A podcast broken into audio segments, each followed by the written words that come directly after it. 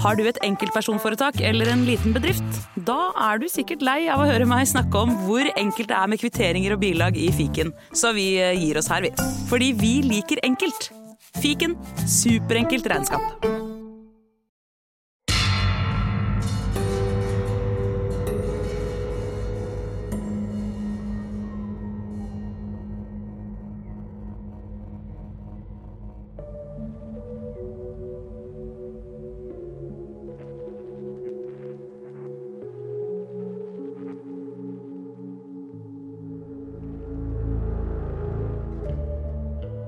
Når det gjelder historier om mordere, er det få som kan måle seg mot legenden om H.H. Holmes, Amerikas første seriemorder. Over 100 år etter sin død står han igjen i historiebøkene og popkulturen som selve arketypen av det onde geniet. En karismatisk doktor som lurte hundrevis av unge jenter inn i døden. Det hele utspilte seg i det beryktede mordslottet i Chicago. En grusom labyrint av torturkamre, dører som ledet til ingenting, feller, liksjakter og gasskamre. The Ark Fiend, Dr. Death, djevelen i den hvite byen. Hva skjedde egentlig i Chicago, i bakteppet til den storslagne verdensutstillingen i 1893? Vi dro tilbake til The Windy City for å finne sannheten bak den kanskje mest myteomspunnede seriemorderen i historien, Dr. H.H. Holmes. Du hører på Svartelista. Mitt navn er Andreas Weier Osvold. All right, welcome everybody. My name is Adam Seltzer. Er en true crime-fanatiker og forfatter fra Chicago. Han er sannsynligvis verdens fremste ekspert på H.H. Holmes. I tillegg til å ha skrevet en nøktern, faktalesset biografi om Holmes basert på tusenvis av timer med research, arrangerer Seltzer ukentlige guidede turer i Chicago. Deriblant en spøkelsestur på hjemsøkte steder i byen, og en egen H.H. Holmes-tur. Vi ble med på en av Holmes-turene hans før vi intervjuet han i et lokalt bibliotek. Well, right now we're down by it's one of the greatest buildings in Chicago, even without any Holmes connection. This is the Rookery, a building by architect Daniel Burnham from the 1880s.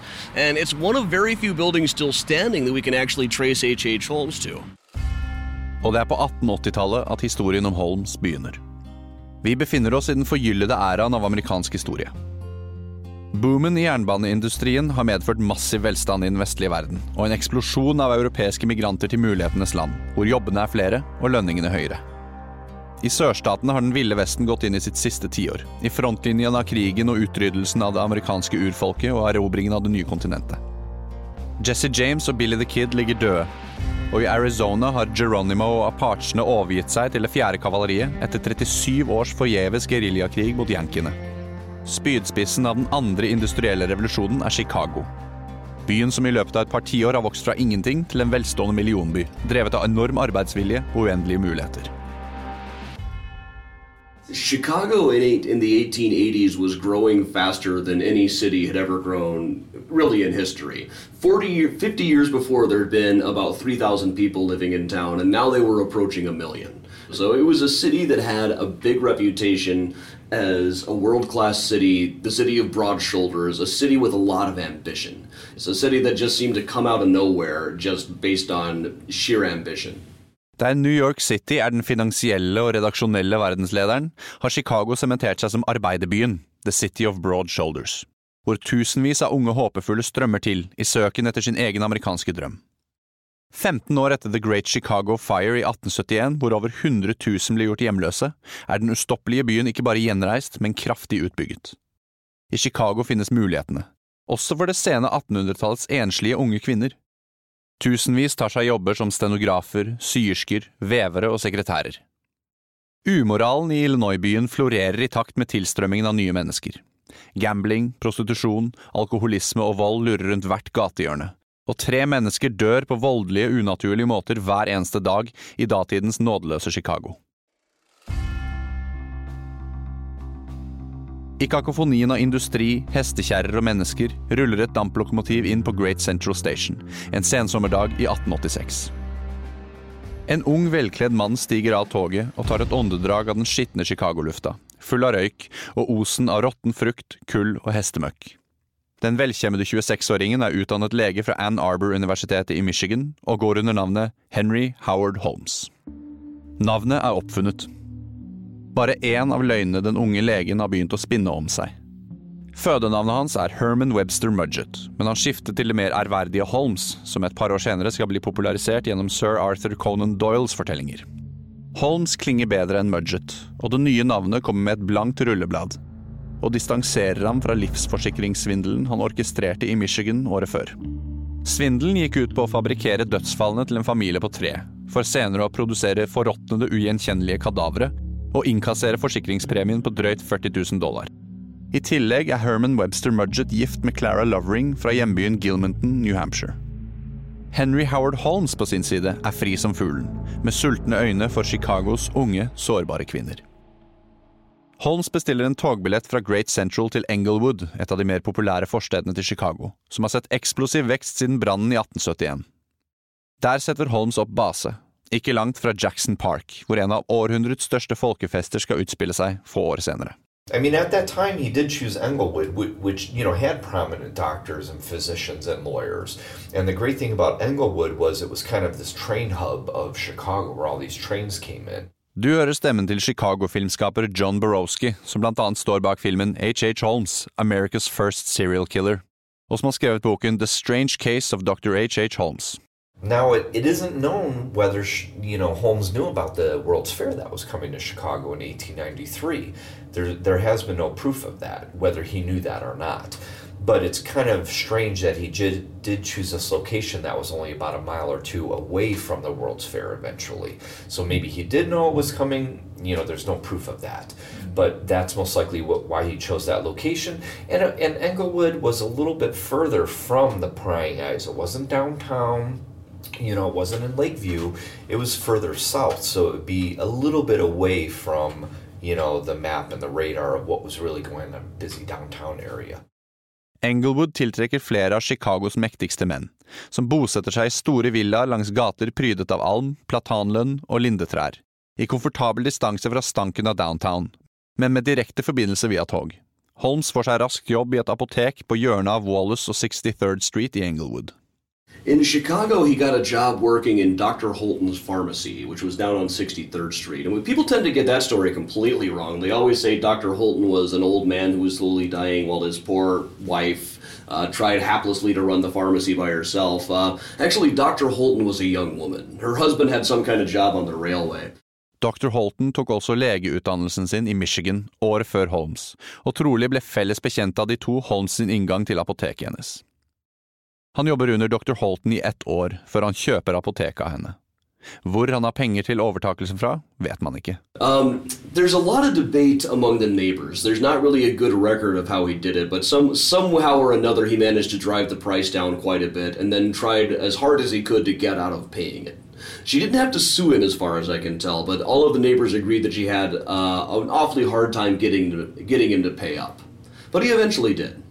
Som eier av apoteket på Wallace og 63rd Street, som han omdøper HH Holmes apotek, igangsetter han svindeloperasjonene det etter hvert skal bli mange av, fra apotekets kjeller. Han kjøper haugevis av møbler, tjenester og utstyr på kreditt. Tar opp flere lån og lar være å betale. Ofte skriver han under på kontrakter med falskt navn, slik at innkreverne blir sendt på villspor når de kommer for å innkassere regningene.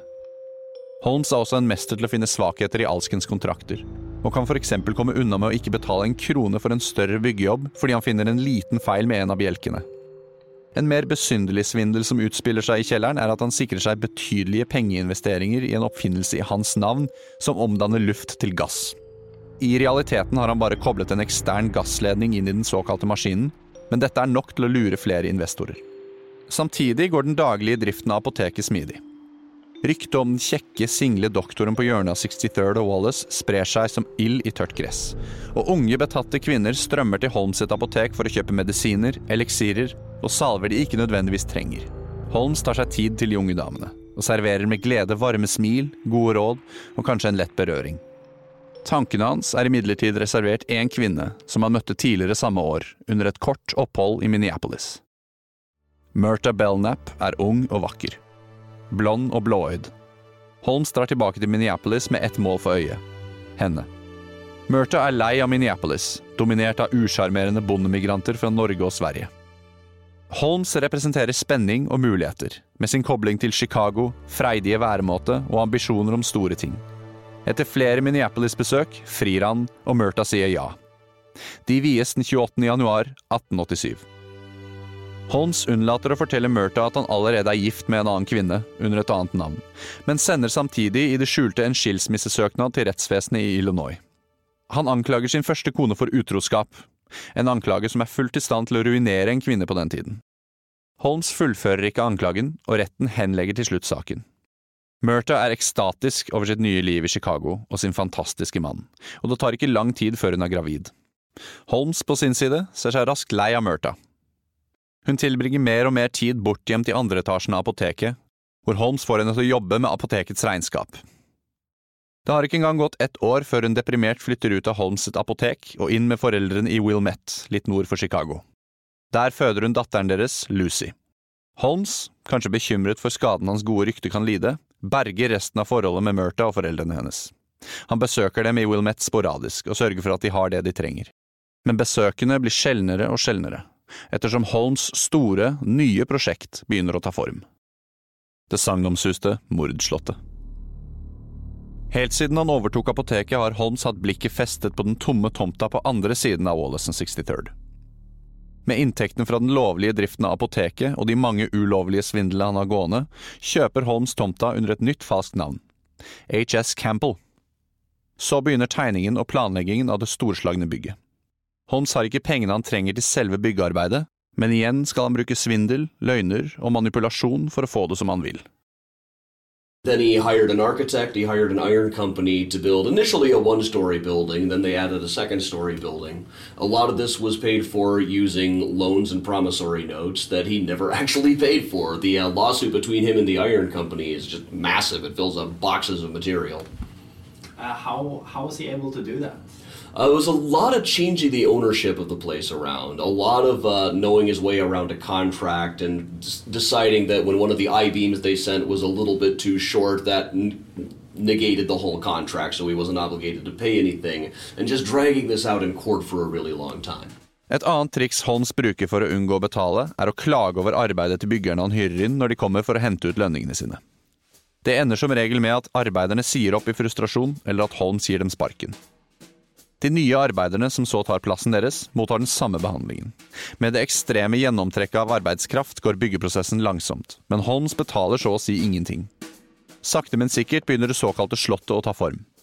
Og det er mer ved det brune murbygget enn den kalde fasaden tilsier. John Borowski forteller. Yeah, Holmes's building was called the Castle because for that time period it was this huge building at the corner of 63rd and Wallace. Um, looked rather innocent from the outside, kind of like Holmes himself. The first floor had shops, the corner was a drugstore, there was a blacksmith shop, a jewelry store, some other shops on the first floor. The second floor were a lot of rooms that eventually Holmes would rent for the World's Fair as hotel rooms. And the third floor were some more rooms, but Holmes's office was on the third floor. And then there was there were a lot of strange things also in this building there was a chute that ran from the third floor all the way down to the basement. It was a greased chute, but there was no dumbwaiter in it, which usually there's this, you know, uh, uh, it's like a little elevator service for carrying, you know, food and things from floor to floor. Well, that was devoid of that, so that was very strange. Hallways would lead to nowhere. You would walk into one room and there are five doors in a room. It seems like, you know, it was meant to disorient people and be this labyrinth. In Holmes's office, there was a trap door in the bathroom covered by a rug. So you could lift this rug up, and there was a secret staircase which led all the way down into the basement. So very, very strange. But you know, in the basement, Holmes had constructed this huge machine that he said was for glass bending. But again, strangely, it was the size of a human body. I strømmen av mennesker som kommer og går, er det enkelte som finner seg en mer permanent plass i slott. To av disse er slottets vaktmester Patrick Quinlan og Benjamin Peitzel. Well, when Holmes was constructing his building, there were he you know people had come into town that wanted work, carpenters. So Benjamin Peitzel and his family, uh, with his wife Carrie and his five children, they were all living here in Chicago. So Peitzel answered an ad to be a carpenter and help out, you know, Holmes at this building. Well, Holmes got to know Benjamin Peitzel, saw that he was an alcoholic, and, you know, Peitzel became Holmes's right hand man and confidant. So Peitzel knew all these things that were going on. How much of the extent, who knows? You know, we don't know if he know, knew about all the murders, but he was definitely involved with a lot of Holmes's scams and schemes at the building and after. So Holmes became like a friend of the family. You know, the kids even called him Uncle Henry or Uncle Harry. You know, nobody knew, and that's the duality of these serial killers. You know, they come across as, you know, decent, normal people. At first, at least. Peitzel jobber først som dyrepasser for hestene som brukes i arbeidet på Slottet, men utvikler etter hvert et tett forhold til Holmes og blir hans høyre hånd og en verdifull kompanjong, tross sin gryende alkoholisme. Verdifull nok til at Holmes betaler en saftig kausjon for å få Peitzel ut av fengselet da han ble arrestert i Indiana for å ha forfalsket sjekker. Men djevelpakten Peitzel inngår med doktoren skal til syvende og sist vise seg meget kostbar. Tidlig i 1891 flytter et nytt par inn i Englewood-slottet. Ned og Julia Connor med deres åtte år gamle datter Pearl. Ned har for første gang i sitt voksne liv opplevd litt medvind. Han har landet den respektable jobben som bestyrer av gullsmedhandelen i første etasje. Han har stor respekt for byggets unge eier, den kjekke legen som tilbød han jobben. Den lille familien flytter inn i en leilighet i andre etasje, i nærheten av doktorens egne rom. Lykken fortsetter å smile til Ned da dr. Holmes tilbyr Julia en jobb i det nye apoteket sitt. Med to inntekter er familien på god vei oppover, og ting har aldri sett lysere ut. Det eneste som plager Ned litt, er alle smilene, gavene og komplimentene Holmes gir Julia, og kanskje verre, blikket han ser i øynene til kona si når hun iakttar den unge doktoren. Mistenksomheten trekker seg litt tilbake da Holmes sjenerøst tilbyr Ned eierskap av gullsmedhandelen i første etasje mot en liten månedlig avgift. Men han har knapt underskrevet overtakelsespapirene før kreditorer dukker opp på døren til Ned med haugevis av gjeldspapirer, underskrevet av Holmes. Da Ned konfronterer Holmes med dette, får han bare til svar at han gikk ut fra at Ned var klar over de grunnleggende elementene i det å drive en forretning, og at salget er endelig. Samtidig seiler ekteskapet til Ned akterut, og stadig flere krangler blusser opp mellom han og Julia. Holmes oppfordrer ham til å kjøpe en livsforsikring, noe Ned finner litt merkelig. Han takker pent nei, selv da Holmes insisterer og finner en mann som tilbyr Ned en livsforsikring mot en symbolsk sum på én dollar. Det hele begynner å bli veldig ubehagelig. Forholdet til Julia blir enda verre, og da Ned omsider konfronterer henne, er det hun som gladelig oppfordrer til skilsmisse. Til slutt får Ned seg jobb et annet sted i Chicago og legger alt bak seg – Slottet, Holmes, ekteskapet og datteren Pearl. Med Ned ute av bildet ser Holmes seg fort lei av affæren med Julia. Før skilsmissen hadde han gjentatte ganger lovet henne at han ville gifte seg med henne så fort Ned forsvant. Men all lyst til dette har fullstendig forduftet. Pearl blir et annet irritasjonsmoment for Holmes, og han innser at han gjerne kunne sett seg foruten dem begge. I november 1891 annonserer Julia at hun er gravid med Holmes sitt barn, og at nå må han vise seg god for sitt ord og endelig gifte seg med henne. Holmes beroliger Julia med et varmt smil og lover henne at alt skal gå bra. Selvsagt skal de gifte seg. Men nå er ikke det riktige tidspunktet for dem å få barn. Det er simpelthen altfor mye å gjøre. Han vil gifte seg med henne dersom hun går med på en enkel abort av barnet, som han selv vil utføre. Han forteller at som doktor har han gjort prosedyren flere ganger, og hun vil ikke føle noe som helst. Holmes setter inngrepet til julaften det året. Da kvelden kommer, har Julia lagt Pearl til sengs og er på besøk hos naboparet Crow, som hun har utviklet et vennskap med. Julia og fru Crow pynter sammen et juletre som de planlegger å overraske Pearl med på julemorgen. Julia forlater Crow-leiligheten sent, i godt humør. Neste morgen dukker verken Julia eller Pearl opp hos Crowene. Det gamle ekteparet venter så lenge de kan, men må til slutt rekke et tog til Chicago hvor de har planlagt å møte et vennepar. De etterlater leiligheten ulåst, med en beskjed til Julia men da de kommer hjem sent den kvelden, er alt som det var da de dro, uten noe spor etter Julia eller Pearl. Neste morgen sjekker de leiligheten til Julia, men ingen er hjemme. De forhører seg med dr. Holmes, som kan fortelle at Julia og Pearl har reist vekk. They were supposed to be going to Davenport for her sister's wedding, but they never showed up. And Holmes, for a while, would like write letters to her father saying, "Hey, have you seen Julia? I need her to sign some papers. I don't know where she's gone. Do you?" And he would go to Ned sometimes and say, "Hey, do you know where Julia and Pearl have gone?" I starten av 1892 flytter en ny familie inn i leiligheten til Julia. Der finner de tallerkener på bordet og barneklær hengt over stolrygger, som om de tidligere beboerne aldri hadde dratt. Som om de bare er en snartur ut døra og kan komme tilbake når som helst. Men Julia Connor og unge Pearl blir aldri sett igjen.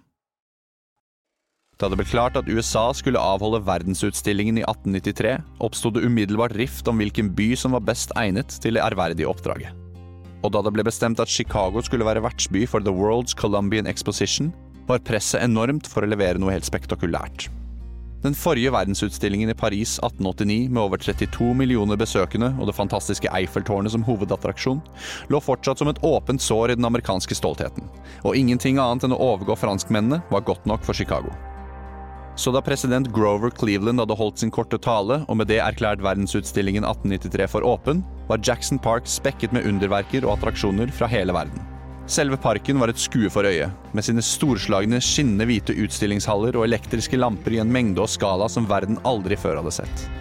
The World's Fair of 1893 was kind of like a preview of what the 20th century was going to be like to people. They could see early examples of moving pictures, they could see early examples of automobiles, they could see electricity demonstrations. Depending on who you ask, they were introduced to hamburgers and hot dogs there. All these things that we associate with the 20th century, they got previews of at this fair. It attracted something like 27 million paid admissions.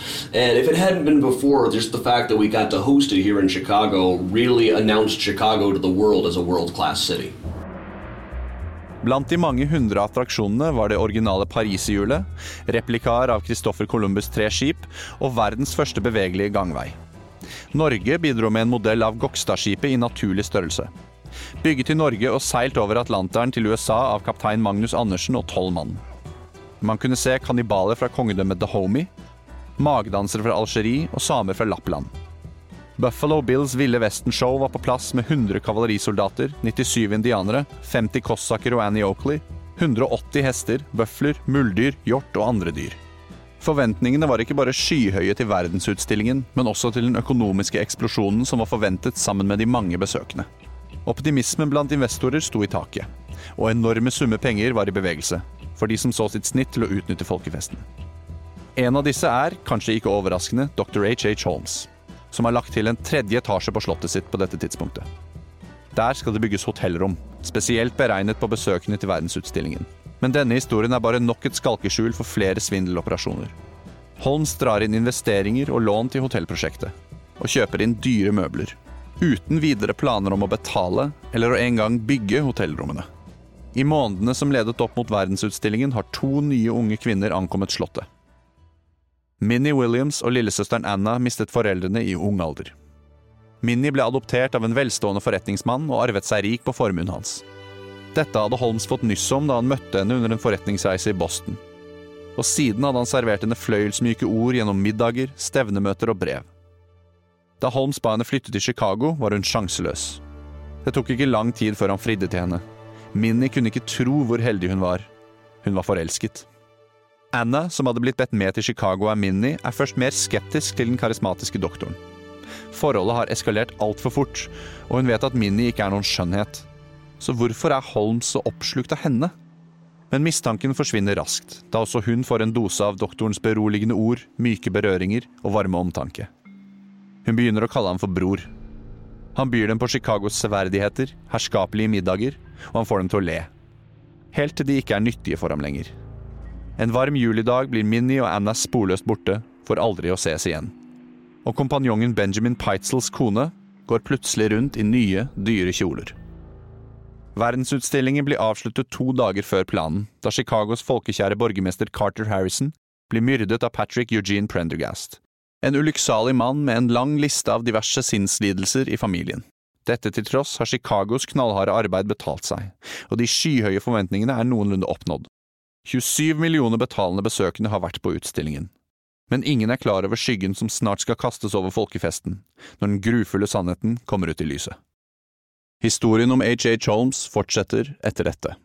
Kiwi er billigst i VGs matbørs og har vært billigst i fire av de fem siste VGs matbørser. Og nå presser vi prisen på påskevarer fram til 1. april.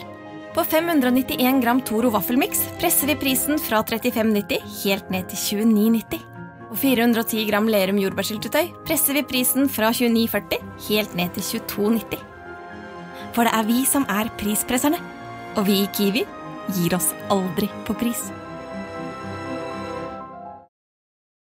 Kanskje lengst vekk fra sannheten, blendet av Holms illusjoner og løgner, er de to konene hans. Clara Lovering lever fortsatt i villrede, ulykkelig over bruddet med ektemannen. Mens hans andre kone, Myrtha Belknap, og datteren Lucy flyttes rundt i Chicago som sjakkbrikker av Holmes, på trygg avstand fra doktorens mange fritidssysler. For Holmes har fått øyne for nok en ung kvinne. Georgiana was um, a beautiful young woman who was a school teacher in Indiana, so adjacent to Illinois. Du hører stemmen til bibliotekar og forfatter Judy Nichols, som har skrevet boken A Competent Witness, Georgiana Yoke and the Trials of H.H. Holmes. She was very smart. She was very strong personality. She was kind of restless and bored when she was 22. She had already taught school for a couple years and uh, wanted to go to the city. She wanted to go to the World's Fair that was coming up. Um, she came to Chicago and lived with her uncle uh, in an apartment on State Street uh, and got a job at a big department store. State Street, for your listeners, was at the time the main thoroughfare in Chicago where the big new department stores were being built Marshall Fields and Carson Perry Scott. And the one she worked for was called um, Siegel Cooper. And these were fantastically new places where women, for the first time, could have a strong presence in uh, commercial marketplace. They were importing all these fantastic goods. There was a lot of new wealth coming into Chicago, and it was really exciting. And so she got caught up in that lifestyle of living in the city, met this man who she thought was a doctor. Georgiana er 23 år gammel og ser enda yngre ut. Holmes gir henne gaver. Diamantøreringer, en hjertemedaljong med perler, en bibel. Men den romantiske rundturen deres i Texas, Missouri og Indianapolis er et skalkeskjul for Holmes, som innser at han er i alvorlig trøbbel, med forsikringsselskaper, banker og myndigheter, som alle puster ham i nakken. Ikke på grunn av skjelettene han bokstavelig talt har i skapet, men for de mange svindeloperasjonene som har kostet flere mektige menn mange penger. En kontrollert brann i tredje etasjen av slottet, som Holmes har forsikret gjennom fem forskjellige forsikringsselskaper, får begeret til å renne over. Og forsikringsselskapene kaller inn en liten hærskare av etterforskere som setter Holmes under lupen. Deriblant det legendariske Pinkerton-byrået. The Pinkertons by then had generally had a reputation as an unbeatable detective agency. They were run by a guy named Alan Pinkerton, who before the Civil War had been a big abolitionist in the city. He'd been big on helping slaves escape on the Underground Railroad. And then he started, and he was also involved in helping Abraham Lincoln sneak into Washington, D.C. after he was elected. There were a lot of death threats against him. Their motto was, We never sleep. They had popularized the idea of the private eye. Did uh, Holmes ever learn that the Pinkertons were breathing down his neck? He knew that detectives were after him. I don't know if he knew that it was the Pinkertons specifically, but he'd been getting tips that people were asking about him in Chicago. Holmes holder seg ute av Chicago til ting har roet seg, men han lar ikke det stoppe seg fra å utføre flere svindler. Samtidig har han sett seg nødt til å gjøre en vanskelig beslutning. Holmes' høyre hånd, Benjamin Peitzel, har omsider utspilt sin nytte. Kanskje har alkoholismen hans tatt overhånd og gjort at Holmes ikke lenger anser ham hvert bryderiet han medfører. Men å avskjede Peitzel er ikke nok. Assistenten hans vet aldeles for mye, og utgjør en risiko Holmes ikke er villig til å ta. Doktoren legger en plan. Sommeren 1894 er Holmes en kort tur innom fengselet i St. Louis for å ha solgt pantsatte varer. Han blir raskt kausjonert ut, men mens han sitter i arresten støter han på en legendarisk etterlevning fra Det ville vesten. Marion Hedgepeth, den kjekke banditten. Now, Marion Hedgepeth was a fairly famous train robber at the time. He had robbed the Glendale train, the same one Jesse James had robbed. He had been involved in robbing a number of trains with a loosely organized gang. They were kind of the last, some of the last of the Wild West outlaws. He was known as a handsome guy, very well dressed. And for a few months before Holmes had gotten into prison, he'd been in and out of the news for all of his attempts to escape from prison. Like there were people slipping him keys while he was in his cell. And I kind of think that Holmes had been trying to set himself up as a Wild West outlaw. He had gone down to Texas. He had a whole story for his wife about how there were murderous ranch, murderous squatters on his uncle's ranch that they had to watch out for. Got involved in horse swindles. Started calling himself Mr. Howard, which was Jesse James's old alias. So he here's Holmes, who has been using Jesse James's old name, and he ends up in a cell with Marion Hedgepeth, who robbed the same train as Jesse James. And I think he was completely starstruck.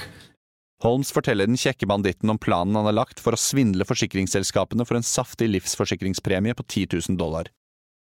Alt han trenger er et kadaver. Holmes prøver oppspilt å involvere Hedgepeth i planen og spør om han kjenner en korrupt advokat han kan anbefale, og tilbyr den notoriske togrøveren den nette sum av 500 dollar i betaling. Men Marion Hedgepeth er adskillig mer interessert i å komme seg ut av fengsel enn i Holmes' planer. Han merker seg legens ord, vel vitende om at informasjonen kan vise seg verdifull. Ute av arresten oppsøker Holmes Benjamin og Carrie Peitzel, med en genial plan som skal gjøre dem alle rike. So he tells Benjamin Peitzel and Carrie Peitzel, Benjamin Peitzel's wife, about this life insurance scam. So she knew about it as well. So here's what he told them. He said, I'll get a corpse, disfigure it, you take out a life insurance policy on yourself, then you go into hiding, then I'll, well, I'll, you know, we'll say there was an accident, I'll disfigure the corpse, your wife will come in, cry and say that's you, and then guess what? We split the money and you guys, you know, you go your own way, I go my own way. 10 000 dollar i 1894 er fryktelig mye penger for Peitzel-paret. Over 280 000 dollar, eller 2,4 millioner, i dagens valuta. Et beløp så stort at det er umulig for ekteparet å si nei. Spesielt til mannen som har vist seg som en så god og nær venn av familien. Peitzel drar til Philadelphia, hvor han skal etablere et alter ego som oppfinner, under navnet BF Perry. Planen er å iscenesette en dødelig eksplosjon i det fiktive laboratoriet til Perry, hvorpå Peitzel skal gå i skjul, mens Holmes produserer et kadaver for forsikringsselskapet som passer BF Perrys beskrivelse. Et par dager senere mottar Carrie Peitzel et brev fra Holmes, hvor han ber henne sende datteren Alice til Philadelphia for å identifisere kadaveret som faren. Carrie gjør som hun blir fortalt, og setter Alice på første tog. Men da den unge jenta ankommer Philadelphia og blir fulgt i likhuset av Holmes, er det til hennes forferdelse ikke en fremmed som ligger på likbenken. And she realizes it's her father, but of course, no cell phone, no phone. She can't just call the mother in a second and say, Our dad's dead. The wife still thinks he's alive. Holmes tar ut livsforsikringspremien på BF Perry og tar Alice Peitzel med seg ut av Philadelphia. Han lar henne skrive til moren sin, men sørger for at brevene aldri kommer lenger enn hans sikre forvaring. Han skriver egne brev til Carrie Peitzel, hvor han spinner en historie om at Benjamin er i London, hvor han ligger i skjul fra myndighetene, og at alt er under kontroll.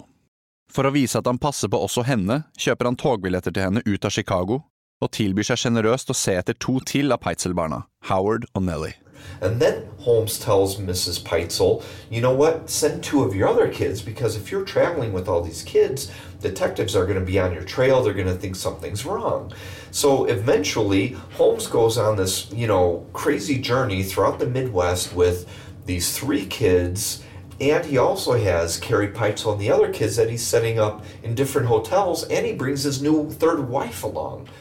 Holmes drar nordover med Peitzel-barna og sin nye kone Georgiana, samtidig som han frakter Carrie Peitzel på en parallell rute.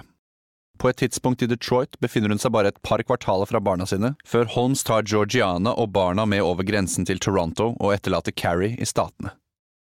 Samtidig som han orkestrerer denne besynderlige reisen, skriver han til sin andre kone Murtha i Chicago, og begynner også å skrive til sin første kone Clara Lovering, som han ikke har sett på seks år.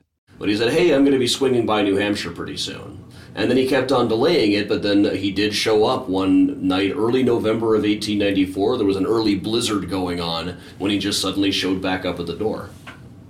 And then he spent a couple of days with his old family back in New Hampshire for the first time in six years. Apparently, he was spreading money around quite a bit while he was there, and he had a wild story saying, "Well, sorry, I've been gone for so long. See, I get, I got hit in the head with a brick in a railroad accident, and I got amnesia, and I accidentally got married again too. But now I've remembered who I am, so here I am back, and here's some money."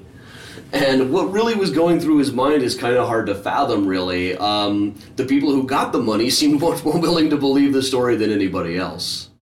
I Philadelphia har rettslegen funnet åpenbare mistenkeligheter med kadaveret av Benjamin Peitzel.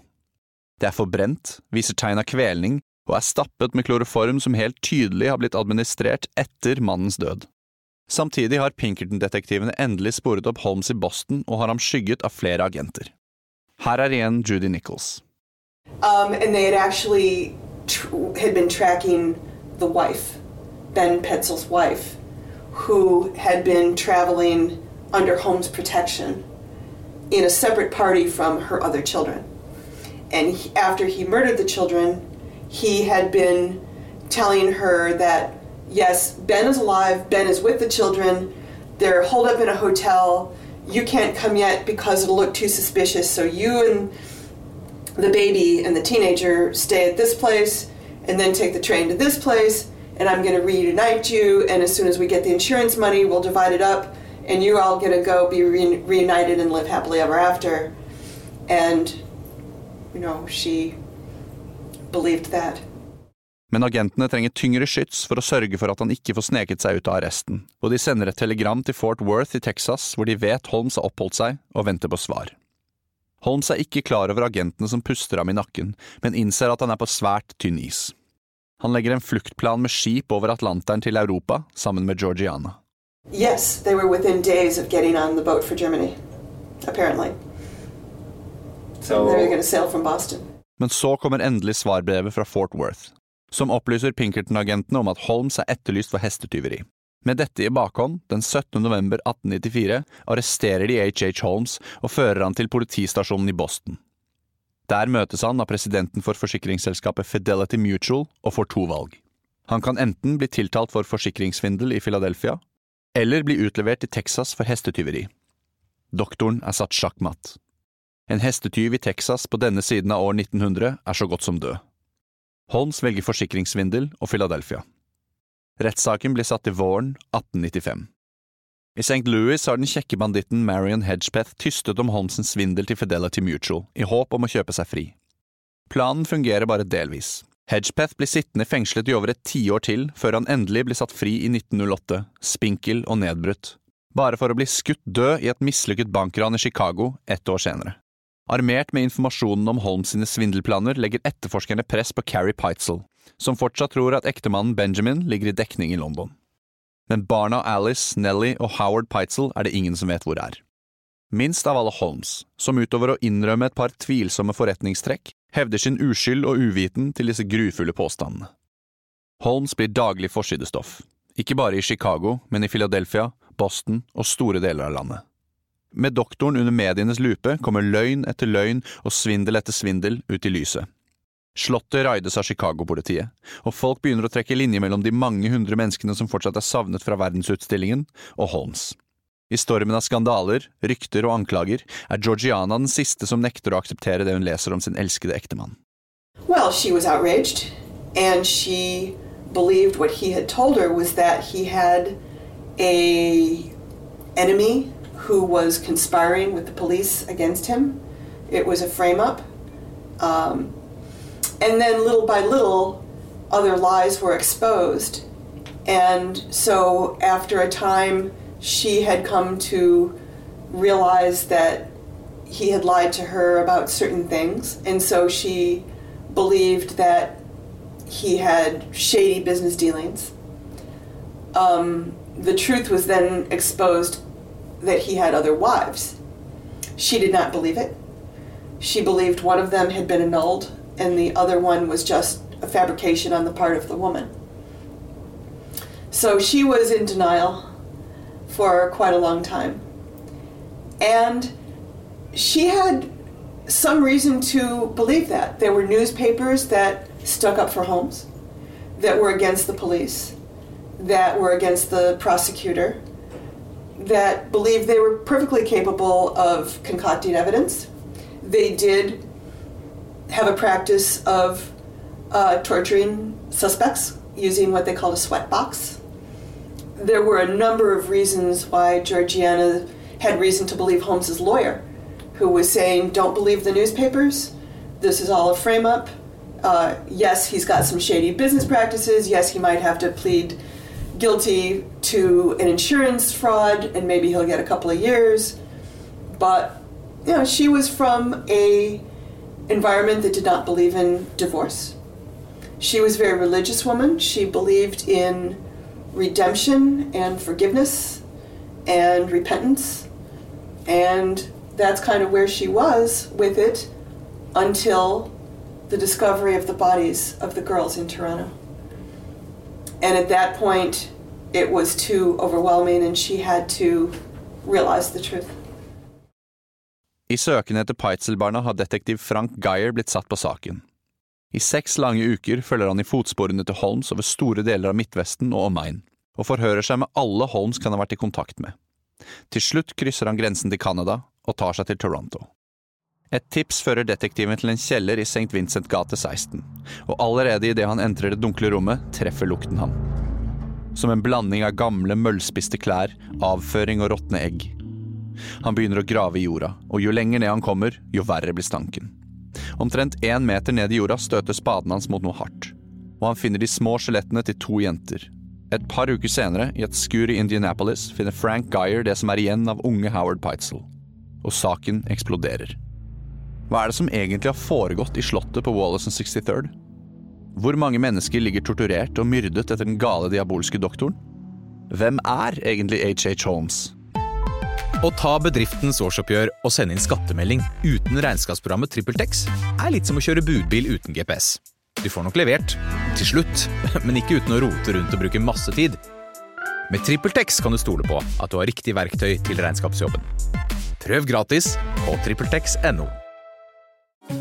Nå er det påskesalg hos Ark. Du får 30% på påskekrim og 40% på alle spill og puslespill. Jeg gjentar Ark har 30% på et stort utvalg krim og 40% på spill.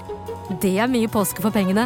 Så hamstre påskekosen i nærmeste Ark-butikk eller på ark.no. Samtidig, i Moya Mensing fengsel i Philadelphia, har hovedpersonen selv på ingen måte akseptert skjebnen sin. He, he wrote a number of letters while he was in prison. Okay. Quite a number of letters. All right. Um, he wrote to people who knew Minnie Williams back in Texas. He wrote to his wife a few times. He wrote some letters back and forth with Georgiana, his other wife. Um, his more famous one is he put a, a coded advertisement in a newspaper in London that he said was supposed to attract the attention of Minnie Williams, who was there with the children. Well, they, they put it in the, in the New York Herald, which was known for putting a lot of coded messages on the first page. It was kind of like their version of Craigslist misconnections. And people would put coded messages all over the, the first page of this. It was fairly famous for it. Um, he thought that there was a chance they could see it in London. Okay. Because you could get the New York Herald in London now and then. So, what are his intentions by these letters? The intentions with that was mostly just to cover his tracks, to send the detectives on a wild goose chase. Um, they figured out pretty quickly. He said that Minnie Williams had opened a massage parlor or an acting school on Vader Street. And there was no Vader Street. Fra fengselet skriver Holmes også en tjukk bok som publiseres under tittelen Holmes' Own Story, og tar for seg hans egen versjon av tingene han er anklaget for, i et ærlig forsøk på å renvaske navnet sitt. Bli med meg om du vil, åpner Holmes som i en reiseguide, til en rolig, liten landsby i New England, hvilende mellom de pittoreske åskammene i New Hampshire.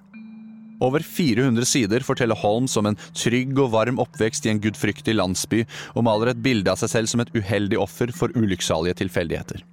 Visst er han skyldig i en og annen svindel, men disse er et resultat av omstendighetene han ble tvunget inn i. Han er på ingen måte noen morder. Holmes forteller om å ha kommet hjem til Minnie Williams og funnet søsteren Anna død på gulvet. Slått i hjel av Minnie i sjalusi over Holmes. Han forteller om å med forferdelse ha lest overskriften over funnet av jentene i Toronto. I leieleiligheten han mot sin vilje hadde måttet forlate i høy og hast. Jeg ga opp å lese artikkelen, skriver Holmes, og så i stedet for meg de to små fjesene som de så ut den dagen da jeg i all min hast måtte forlate dem. Følte igjen de uskyldige barnas sjenerte kyss, og hørte igjen lyden av deres farvel. Og jeg innså at jeg hadde fått en ny byrde å bære med meg til min grav. Men parallelt med det 400 sider lange forsøket på å uskyldiggjøre seg selv, har Holmes solgt et manuskript av en tilståelse til to ledende tabloidaviser i Philadelphia og New York, hvor han tilstår hele 27 drap og sammenligner seg selv med djevelen. A, few weeks before, he had written a confession that was published in the Philadelphia Inquirer and the New York Journal. And in it, he confessed to having killed 27 people, but of those, at least half a dozen were still alive. Uh, several others seem to be fictional characters. Some are known to have died of natural causes. Uh, I think of all of them, there's maybe one that he's really telling the truth about. Even the ones where he's uh, telling the truth that he murdered them, he's changing the story of how he did it. So, why? Uh, why this confession? Uh, money mostly. And the very next day, he said, Well, the newspapers wanted a sensation, so I gave him a sensation. He wrote a confession for the newspapers, and it was a pack of lies. I mean, he, he, he was lying even when he was getting paid to tell the truth in the, you know, shadow of the gallows. And it was quite amazing. Det kan være flere grunner til Holmes sin bisarre tilståelse, som tross sine åpenbare løgner minker sjansen hans i retten. Det enkle svaret er at han enten manglet penger til advokathjelp, eller kan ha resignert seg til galgen. Og med pengene fra avisene ønsket å sikre den økonomiske fremtiden til hans tre koner og datteren Lucy. Men kanskje tenker han på plassen han er i ferd med å innta i historien, og liker det han ser. Dersom han skal huskes som en morder, skal han huskes som den ondeste og mest utspekulerte av dem alle. En djevel blant menn. Rettssaken mot Holmes går først av stabelen oktober 1895, fulgt av pressekorps fra hele Amerika. This trial was huge. It was in all the newspapers across the whole country. You know, even out west, they were, you know, this was on the front pages of the newspapers. Um, it, every word of the testimony was in the Philadelphia newspapers. I mean, it took up pages and pages.